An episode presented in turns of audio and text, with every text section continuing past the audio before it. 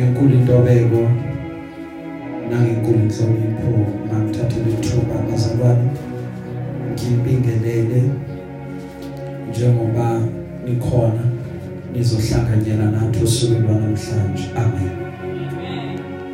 Sibingelele twabazalwane abasibukela live via uFacebook ngelihle igama lenkosi amen.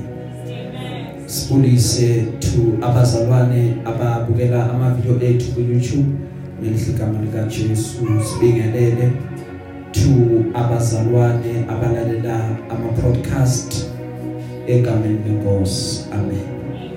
Siphinde sibulise to abazalwane abalalela ku WhatsApp ngelihle igama lika Jesu amen.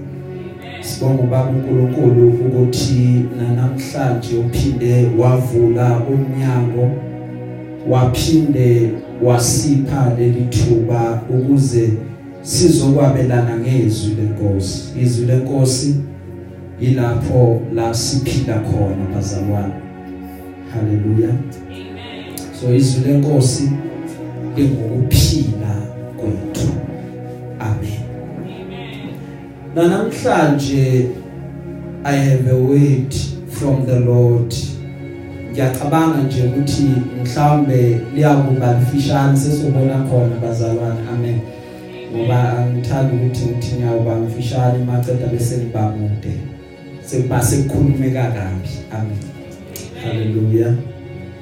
Uma uIsrayeli ehamba kunento eyenzeka uIsrayeli ngenkathi asehlane wakhathala uma uIsrayeli akhathala uze uya kuMose uthi kuMoses Mose usikhiphe ezweni laseGibhithe ukuthi sizofa njengoba sihamba hamba ehlane yini weMose and uh, nale mana yakho Moses noNkulunkulu seyisidakile thina.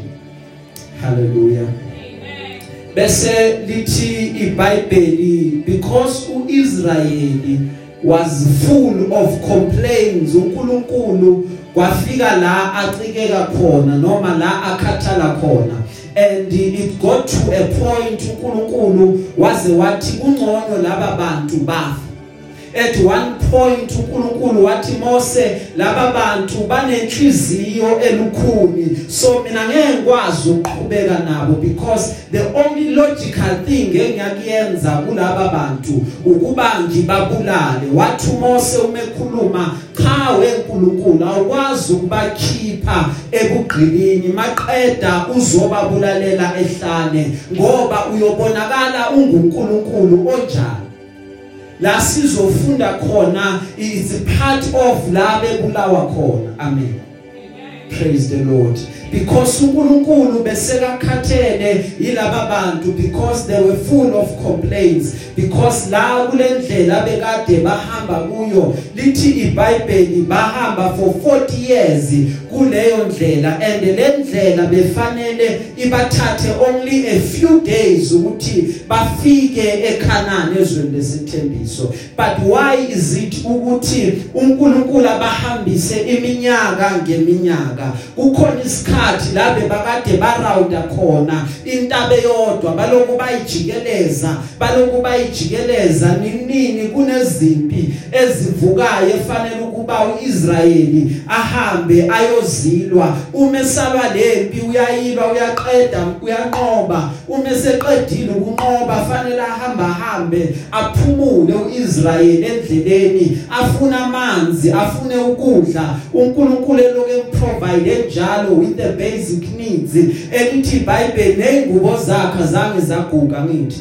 So why why uNkulunkulu azobahambisa a very long time kanti indawo abaya kuyo iseduzana uyazi mawusuka la ungathi uyahamba uya eJoburg usually it takes about 30 minutes. But ungahamba even 2 hours uloku round around if le ndawo yakho uyayazi kanti in typical conditions it could have just took 30 minutes but you end up spending 2 hours. Why why uNkulunkulu ebahambisa a very long time? It's because bekafuna kuphume ubugibithe kubo. Bekafuna kuphume ubugqila einhlizweni zabo ekwenzeni kwabo ecabangeni kwabo.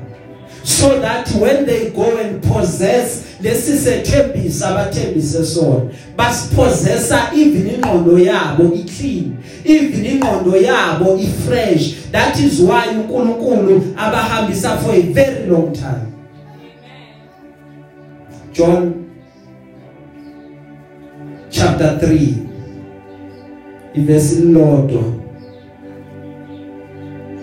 ivesi laka 14 haleluya hloko sanamhlanje sithi Christ is our focal point.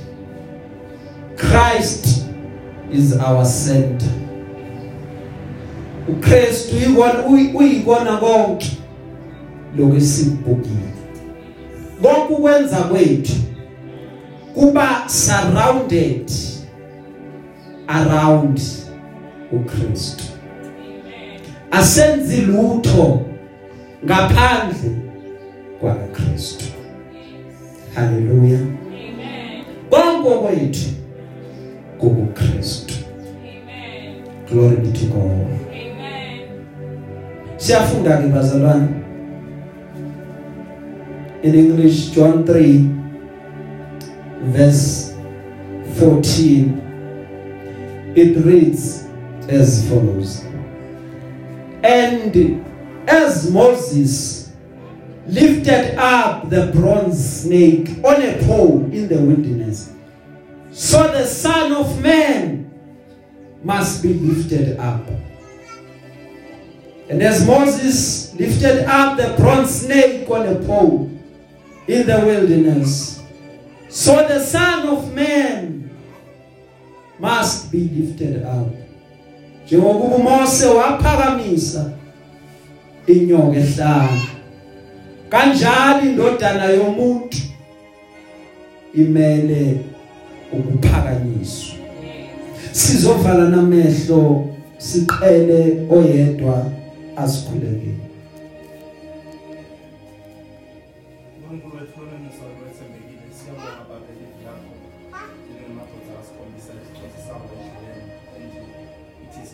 siyabonga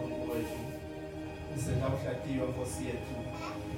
Sentele umusa nkosi yethu uhlale ngaphakathi kithi bese nathi nkosi yethu. Siyakuimplementa impilo in the mighty and wonderful name of Jesus Christ amen. Glory be to God. Amen. Makabongwe Jesu. Muhle uNkulunkulu wethu bazalwane uthando lwakhe luyamangalisa. Haleluya amen. Senzele izinto ezinkulu ezingena kubani umehamba noIsrael. Lithi iBhayibheli wahamba wayomkhipha. In order for you to understand the pattern of life. Uzo understand ukuthi kuneyindawo abanye bethu sihlale for a very long time kuzo. Kuneyindawo ekudingwa ukuthi uNkulunkulu ayosikhipha kuzo. uNkulunkulu umuntu uyaye amkhipheni uNkulunkulu umuntu uyaye emkhiphe ngenkathi umesekhumbula iremembrance yakhe umesekhumbula ukuthi lo muntu kulento ahleli kuyo it's long overdue kumele ukuba ngifike ngizomkhipha that is when uNkulunkulu senze way ukuthi isikhathi sokuba uphume. Kunamazwi esiwatholayo kunamazwi engathi avamise ukuthi abe regular in our lives.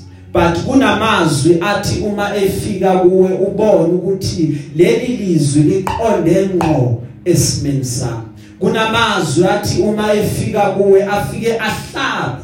Uma ehlaba bese kuba khona uguquko olwenzakalayo. Ngobani? Ngoba that is your appointed time for uNkulunkulu ukuthi enze i turnaround kweyakho impilo. Abaningi bethu lankamazwi afika the time asesithi samkela uJesu njengenkosi nomsindisi okusho ukuthi sesithi lokho kwakudala ngiyakuyeka sengamkela lokho kusha. And uNkulunkulu wenza make sure ukuthi uyafumaneka kuleyo ndawo nakuleso sikhala. Uzwe into ekudonsela kuye kanti leyo nto leyo lelo langa lelo usuku lokuba impilo yakho bese iyaguquka.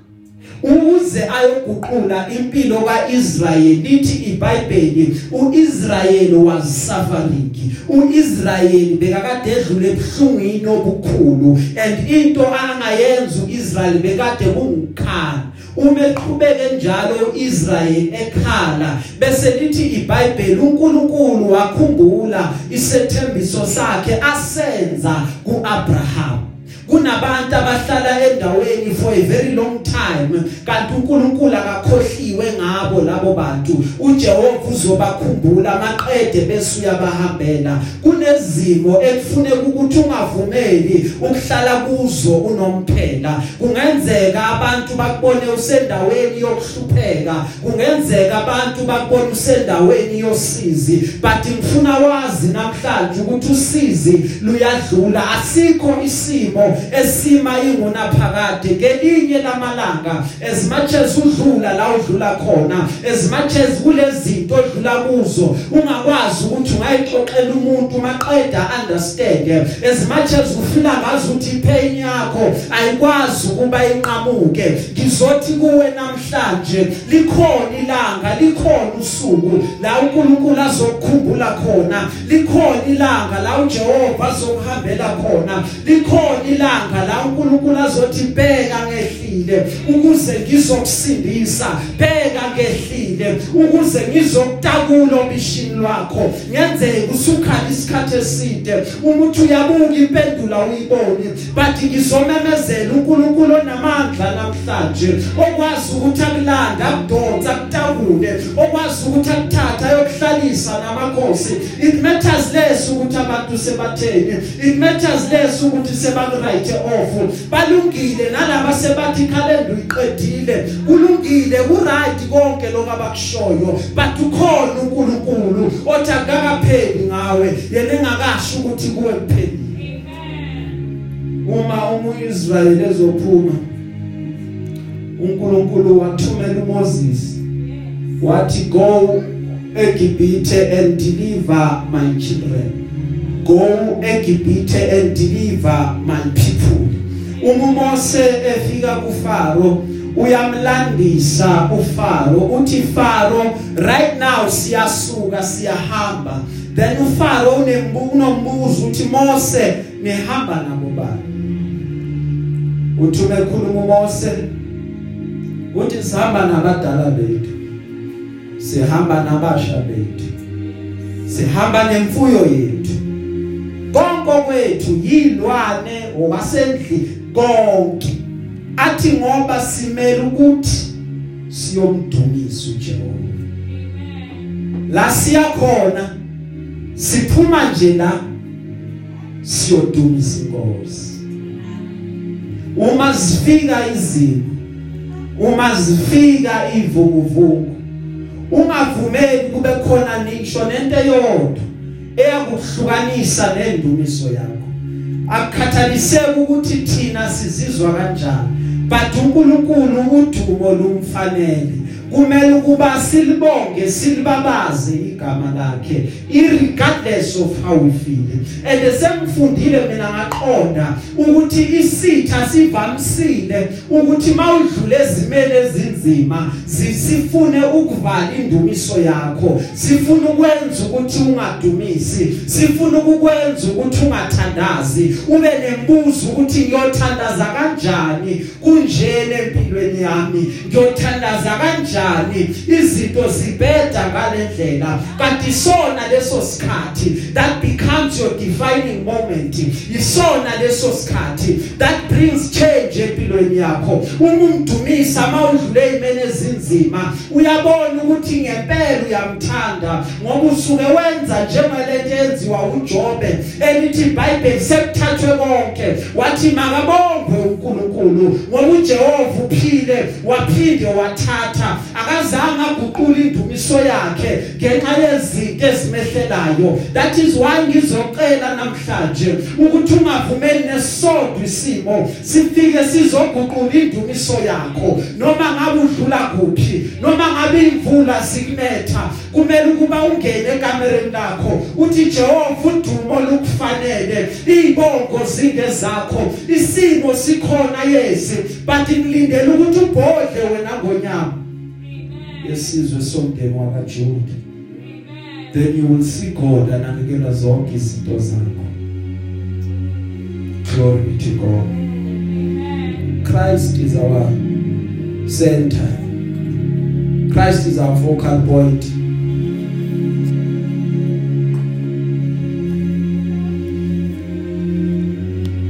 Amen bazalwane Uma Israel ehamba ehlane lithi iBhayibheli wayekade ehamba uma ezophuma uIsrael bekangaphumi kunento engakenzeki. Haleluya. Amen. Bekumele ukuthi kuqale kuphume umphongolo kaJehova. Haleluya. Wafika njani umphongolo kuIsrael uMose uma ekhuluma noNkulunkulu uthi inkosi uma ungenakuhamba nathi. Cela ukuthi ungasusi kule ndawo.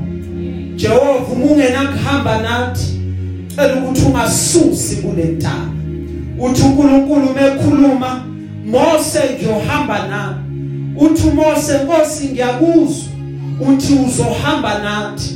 But ngidinga uphawu Nkosi. Bayobona kanjani ukuthi uhamba nathi? Ezinye izizwe ziyokholwa kanjani ukuthi unathi? Uma wena Nkosi ungenathi? Uma kungana any form of sign ukuthi wena Jehova uhamba nathi? Wathi kulungile Moses I will give you a sign. Wathemini kuba khona insika yefu eyakuba icovering yenu. Inimboze konke la nahamba khona. Lelofu eni lenza make sure ukuthi ilanga libashisi kakhulu. Because uma behamba edesert ilanga liyashisa. Lenza nokuthi bangasheshi bomo ngoba indawo la beboma khona indawo ezikhethekile bebangalo bathi somile mos abanika amanzi. Somile mos abanika amanzi. Bebahamba indawo ende. Kube kukhani bezobona because kunefu. Elihamba phezukwana insika yefu by day. Then ebusuku ukuze isizwe sakaNkuluNkulu singapheli endleleni lithi iBhayibheli uNkulunkulu wathi kuyakuba khona insika yomlilo khona ilwane zizobaleka. Khona ilwane zingazoza zisondele zizonidla uma nihamba ebusuku. So by day they could travel and by night they could travel. Then another sign of a confirmation. uNkulunkulu wathi makwenziwe umphongolo. Then umphongolo unama cherub nama seraphim ayenza isign yokuthi ayadumisa. Maqeda kwabeka isihlalo sobukhosi.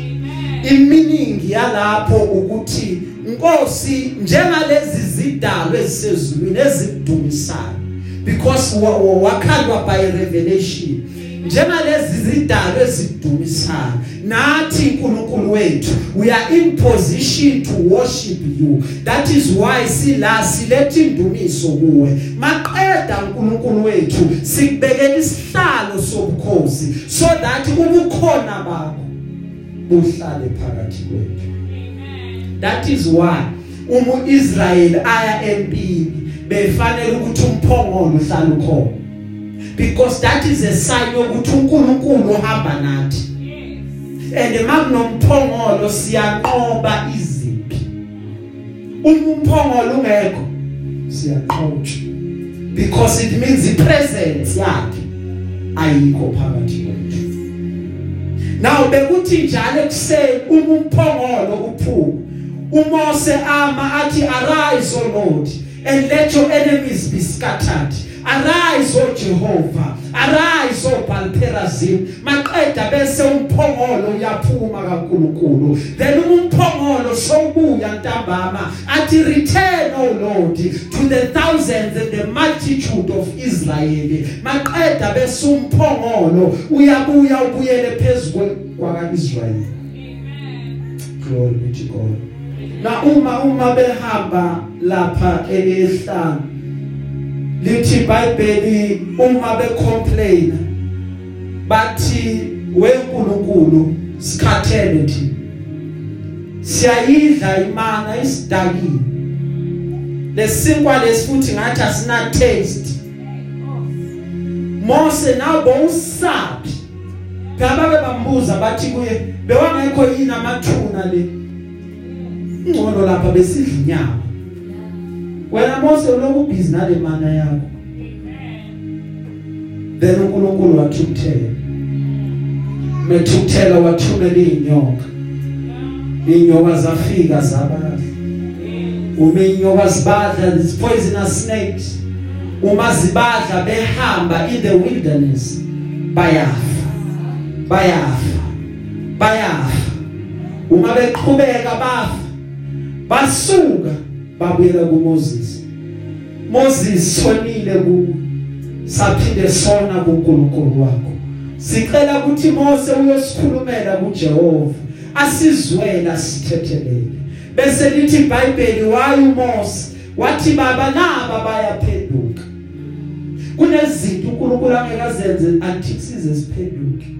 Amen. Hallelujah. Amen. That is why masihambe sahamba endleleni. Kumele sibuyele enkosini. Baba khona la sona khona. Ezinye sizibonile izono zethu. Ezinye asizange sizibone. Sicela usithethelele. That's why umthandazo omkhulu uthi usithethelele. Amaqala eh njengokuba nathi sibathethelele ngoba nathi siyona. Umuntu umuntu yona azaphinde one even nangokucabanga one. Because ungumuntu. That is why njalo njalo fanele uhamba hamba Nkosi ngizocela intethele praise the lord. Lithi iBhayibheli uma balunywa inyoka bathi Mose siyaphela. Sikhulumele kuNkulunkulu. Wathi uNkulunkulu weMoses thatha ireplica yale nyoka ebaluma. Thatha ireplica yalento eqeda ngayo udesign inyoka. Uyenze ibe ngeyethusi. Maqeda uyiphanyeke. Etsikeni kuya kuthi uminyoka zifika zibalula lo oyophakamisa amehla abukele yanyoka uyakusinda uma kufika inyoka ibalula ophakamisa amehlo uyasinda uma kufika inyoka ibalula ophakamisa amehlo uyasinda. Okusho ukuthi kunezinto efuna ukuthi focus yakhe ingahlali kuzo. Ngoba ziyakulimaza but kudingeka ukuba uphakamise amehlo ubheke phezulu.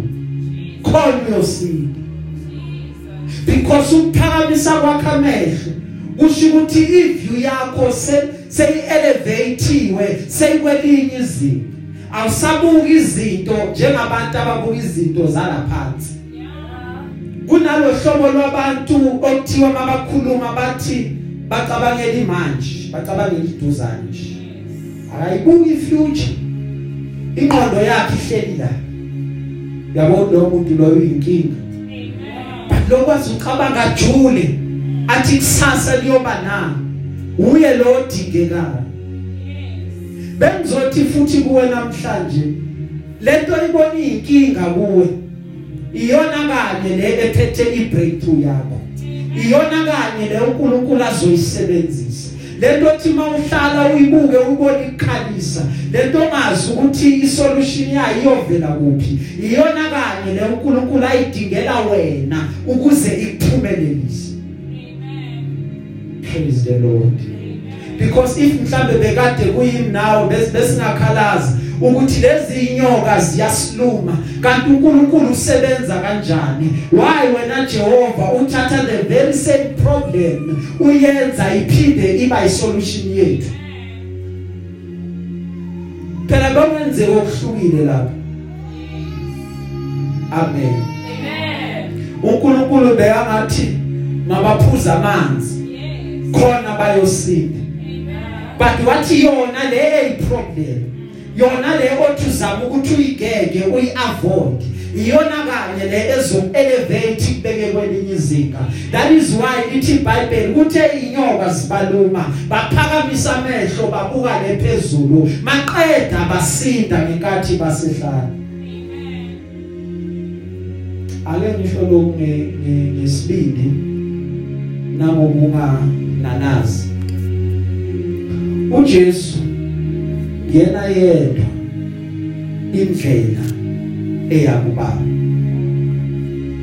ngengizwa abantu bathi sikhonza uNkulunkulu yedwa you can go emhlabeni wonke.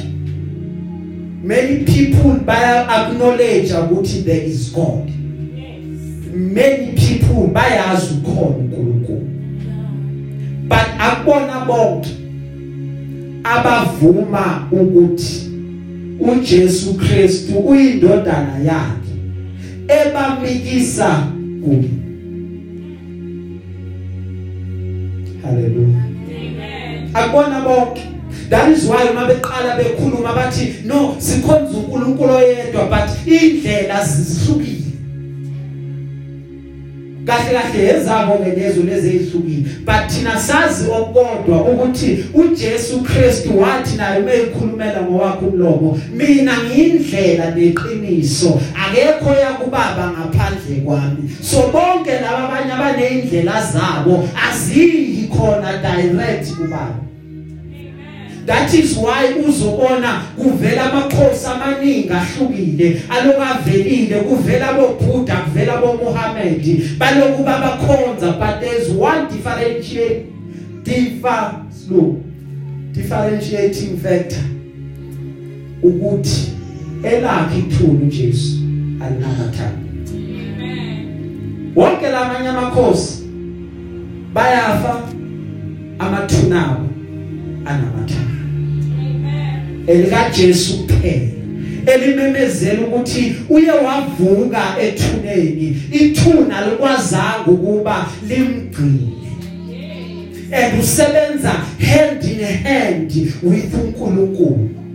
That is why kuyaye kube umkhuleko wami ukuthi nalabo bangakakhanyelwa wangazi ukuthi bangabona ukuthi uJesu bayamdinga ngoba yonke into uyasebenzisana noNkulunkulu. Ayikho la aphikisa khona lokuNkulunkulu akushilo. Iconfirmation kaBaba ikhona. Isignature kaBaba yeapproval upon ministry kaJesu ikhona. That is why simlandela that is why simkhothamela njengenkosi phezwe impilo zethu.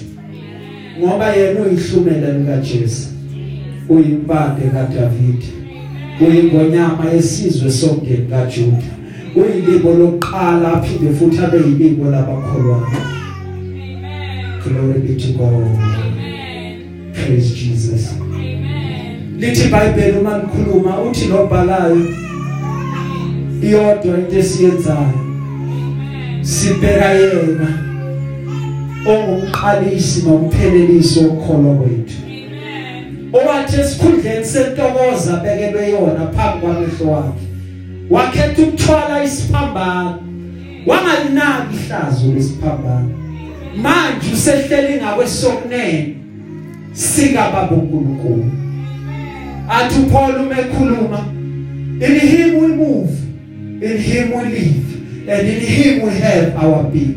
Sipheleliswa kuye konke kwethu kuye athi yena uma ekhuluma futhi. Mina manje ngiphakamisa mina uma ningidumisa i will draw all men unto me. Yime ngiyakuba donsa nina nimele ukwenza into ibe yodwa ukuba ningiphakamise nina nimele ukwenza into ibe yodwa ukuba ningizukise. Khona ngiyakuba donsa abantu badonswa yini? Balandwa yini? Balandwa ukuthi simphakamisile balandwa ukuthi asiphakamisanga amagama ethu noma amabandla ethu abantu noma bengasuka bahambe bengasazi ukuthi singabobani inqobo nje uma besuke noJesu that is enough because he is able ukuthi aguqule impilo yomuntu. Uthi uPhilip ngelinye ilanga Jesu sikhomba ubaba ungubani kanti ubaba? Uthi makaphendula awu Philip ngihlala isikhathi eside nani kangaka usho ukuthi awumazi ubaba. Ubaba ubaba uyini? Uma umubone mina Philip sumbonile ubaba. Konke kwenza ngithatha kubaba ukumina isiqu sami ngifuze ubaba. So uma ubone mina uphelele glory be to God. That is why siphakamisa elakhi igama ngoba sibonile last week athi uNkulunkulu lithi izwi lenkosi uJesu uNkulunkulu wamnikeza igama elingaphezulu kwawonke amagama. Ukuze wonke abalimi avume ukuthi uNkosi. Leli gama ilona esisinda ngalo. Egameni lika Jesu siyaphila. That is why simele ukuthi sime sithi lokufanele udumo amen glory be to God. Amen lithi iBhayibheli wayenza uMose inyoko uma seyenzile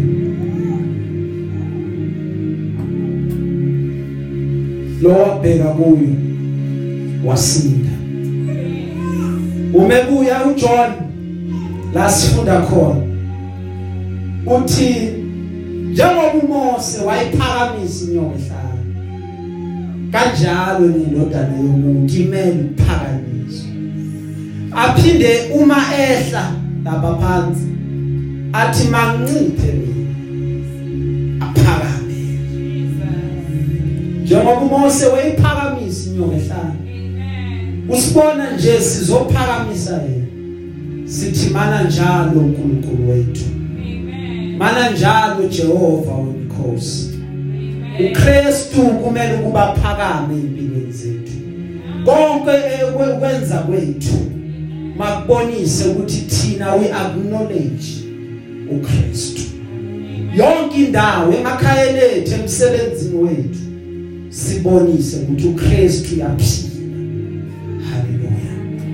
phila ngaphakathi kwethu that's why uhlabelelayo athi uyaphila kimi angaphinda aphile nakuwe amen because this is life. And this life idinga uJesu. Haleluya amen athi ubhala incwadi yamahubo ngiphakamisela amehlame ezintabeni sizo lwami livela kuphi na? Sizo lwami livela kuJehova owenzile izulu nomhlaba bese lithi iBhayibheli akayivuki ukuba unyawo lwakho lushelele okulondolozayo akazeli akalala lithi iBhayibheli yena olonda uIsrayeli akalala uzolala wena yena akazukulala wena phakamisela amehlo wakho phezulu ngoba usizo lwakho luphezulu. Usizo lwakho alukho ebantwini but usizo lwakho ngoba mawubelieve mawukholwa lithi iBhayibheli okholwayo akayi kujaba amen. There's a question do you believe in the lordship of Jesus now? Amen. Hallelujah. Amen. Do you believe in Jesus? Amen. You need to noma ungakholwa ukuthi uJesu khona kumele ukukholele kuye amen. Because insuku esiphila kuzo seziziphi ngendlela emangalisayo ufuna ukugcina abazalwane. Balithi izwi lenkosi. Yalezo wethu namhlanje uthi konke kwethu is centered around uKristu Amen. konke sikwenzayo kuKristu ngelinye ilanga ezongena eJerusalem Yeah. lithi iBhayibheli bathi uma behlabelela bedumisa kwaba khona ke abazi umthetho kakhulu bathi tshela laba bathu wathi uJesu mebaphendula no bamele ukwenza ngalendlela Yeah. asithi bayathula engifuna nikwazi ukuthi uNkulunkulu uzovusa manje. Ukuthi amkhonze amdumise kulungile bathi haleluya kozana Yeah. kulungile bathi hosana kweliphezulu kulungile balethi dumiso Yeah. ngoba ifanele umizile yafika kimi mina ngidlulisela kubaba Amen. ngidlulisela kubaba Amen. Mina kimi into ehlala kimi. Nkazimulo Yeah. baba yimfanele into Amen. ake ake simthatha uJesu from encwadini kaGenesis bese siyagcina bazalwane. Amen. Amen. encwadini kaGenesis ukuphila is the breath of life. Umoya lo esiwuphilayo. Umoya lo ophefumulelo encwadini kaExodus uyimvana yephasika. Ngenkathi uIsrayeli uNkulunkulu ekhuluma kuMose wathi thathani imvana engenasici Amen. wathi kaExodus that's why uChrist ayimvana Amen. yephasika. Encwadini kaLeviticus uumpristi wakho phakele encwadini kaNumeri ungumlilo ebusuku. Encwadini kaDeuteronomy ungumqondisi kwaizika Israyeli uyena oqondisa uIsrayeli ukuthi fanele uhambe la uhambe la. Encwadini kaJoshua ungukusindiswa kwethu. Encwadini yabahluleli ungolonda uIsrayeli. Encwadini kaRuth he is our kinsman redeemer. Encwadini kaRuth unguye umhlengi encwadini kaSamuel uzombona umprofeti wakho othembekileyo encwadini yamakhosi nasencwadini yezikhroniki unamandla ngaphezulu kwakona konke.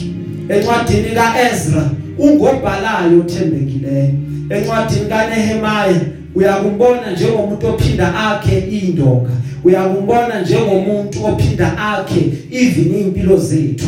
Encwadini kaEsther uyakubona njengamandla ezcourage ukuthi ayikho neyodwa into eyakuma endleleni yakho. Uma uqhubeka wenza lokho efanele ukuthi ukwenze kuyakuphumelela encwadini kaJobe lithi izwi lenkosi he is our timeless redeemer. Uyakhumbula uJobe ekhuluma athi ngiyazi umhlengi wami uyaphila. Ekugcineni uyakube amile. Encwadini yamahubo uyingoma yethu yasikuseni uma sifika sihuba sidumisa sidumisa kuye ngoba uyingoma yethu. That is why even inyoni mayihuba ihlabelela zinika isindumiso kuye zithi how great is your name o lord? How marvelous are you? Maqeda bese uNkulunkulu aqhubeke ayibonelele. Encwadini yezaga ungukuhlakanipha kwethu. Encwadini kaMshumayeli noma Ecclesiastes he is our time in our season. Ayikho into eyenzeka kuNkulunkulu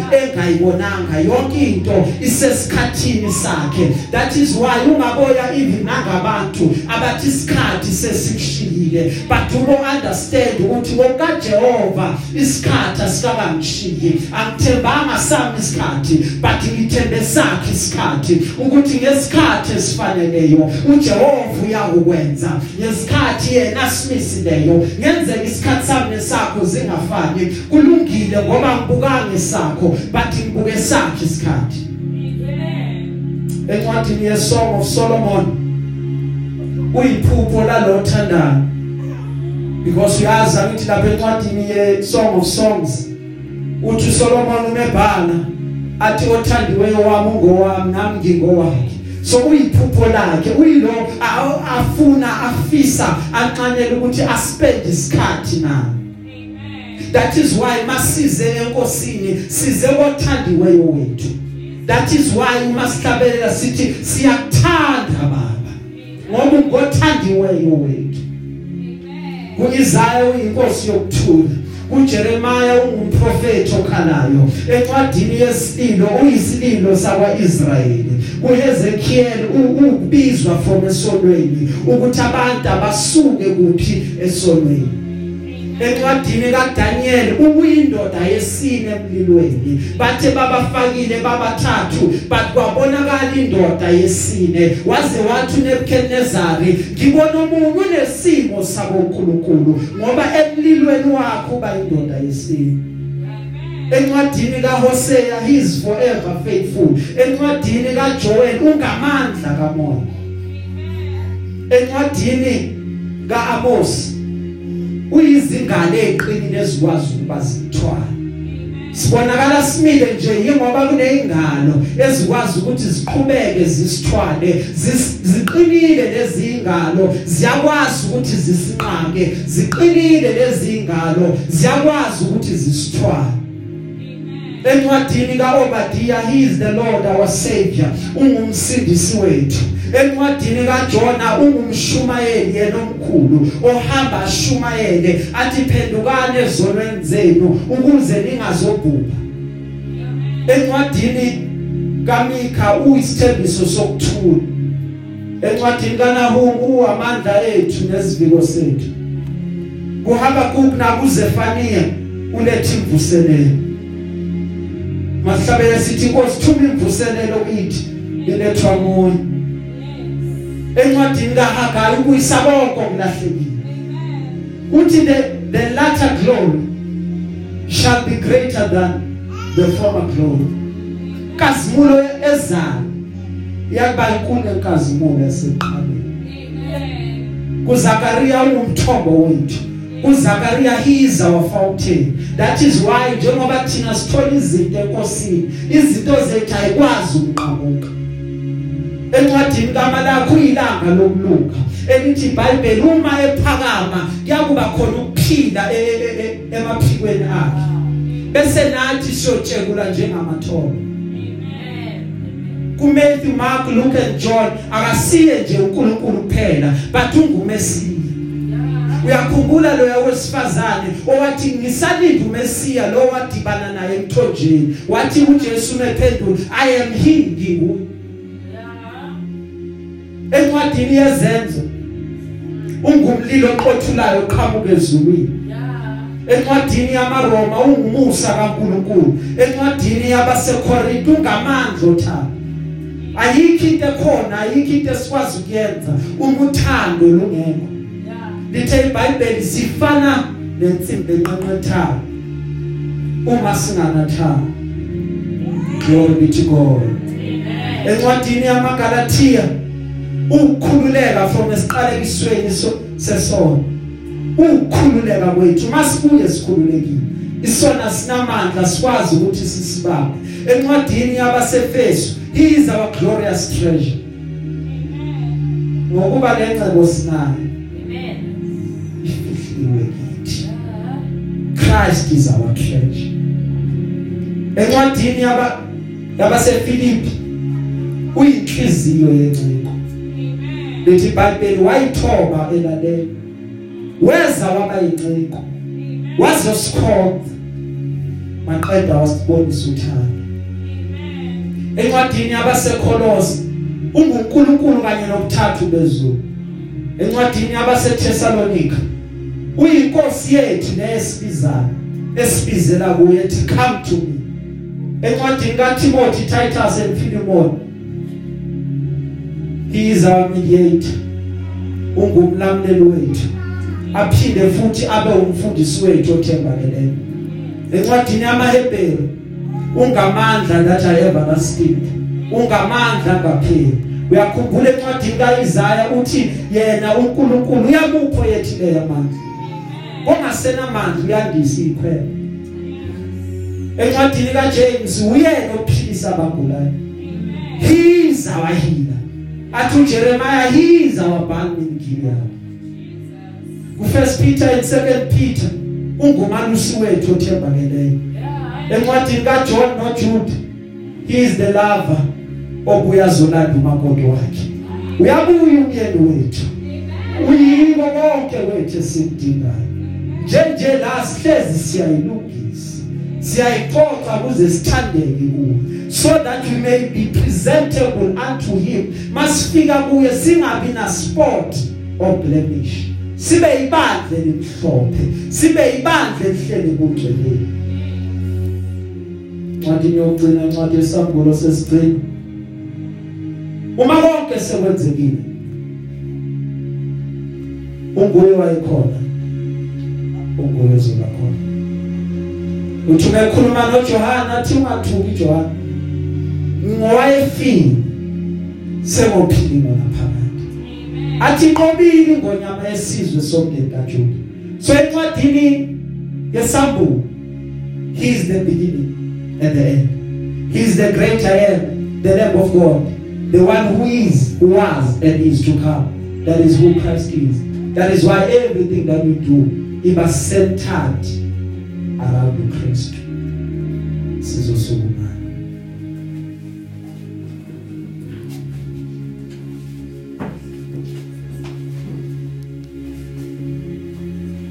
sizovala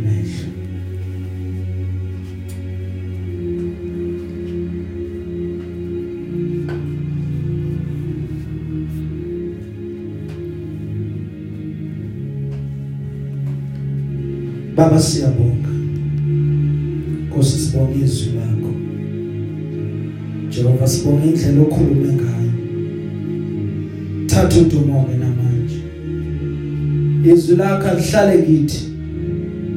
Izwi lakho alingasiyeki Izwi lakho alisihluphe. Ukuba Nkosi sizindle ngalo sihlale kulo simbone uKristu.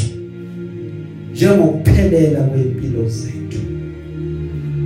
Noma ngabe inkosi sidinga yini simbone uKristu efike evala zonke ikhala lasidinga khona. Baba siyabonga ngezwi lakho. Malihlale kithi inkosi yonke indlebe yakulizwe bese inkosi liqhubeke lisikhulise njalo. Silifune more and more. Kakhulukazi sifune ukufuza nokufana noKristu. Ngegama elihle lika Jesu waseNazaretha baba siyabonga sekwenzekile. Yonke indawo lalo myalezo yofinyelela khona. Mawufike uthinte abantwana bakho. Nkosi nalabo sebahleli bathi mina ngisakhonzi bathinte uNkulunkulu wami. Kuvuke into ngaphakathi ibakhumbuze kuwe. Ibakhumbuze emuva konkosi ukuthi kumele ukuthi bantu bakhonze kumele ukuthi bakudumise. Ngegama lika Jesu waseNazaretha baba siyabonga. Sifihleke Nkosi emanxebeni akho. Ngelihle igama lika Jesu waseNazaretha baba bagulayo mabaphiliswe. Abanezidingo uNkulunkulu wami hlangabezane nezidingo zabo. Emndenini yethu sikhulekela ukuthula. Konke la siswele khona Nkosi vala Nkosi la sidinga khona. Ngegama elihle lika Jesu waseNazaretha kwenzekile baba siyakhona. Abangasebenzi we pray ukuthi bangene emsebenzini basebenze. We pray dear Lord for open doors. Ngelihle igama lika Jesu waseNazaretha sikunikeza udumo ke namanje. Manciphe mina njalo Christ aphakame njalo. Azabuye yena ongumfeli wethu. Asithole sisakholwa simile ezimisweni zakhe. Ngayo uJesu Kristu ozobuya masishane. Baba sesibongile. Thatha udumo wenkosi sibusise usenzele kahle. Nasevikini elilandelayo benathi konke kube kuhle njengokuhlala wenza egameni elinamandla lika Jesu waseNazaretha thatha udumo kwesimakade namanje in Jesus' mighty and wonderful name. Amen.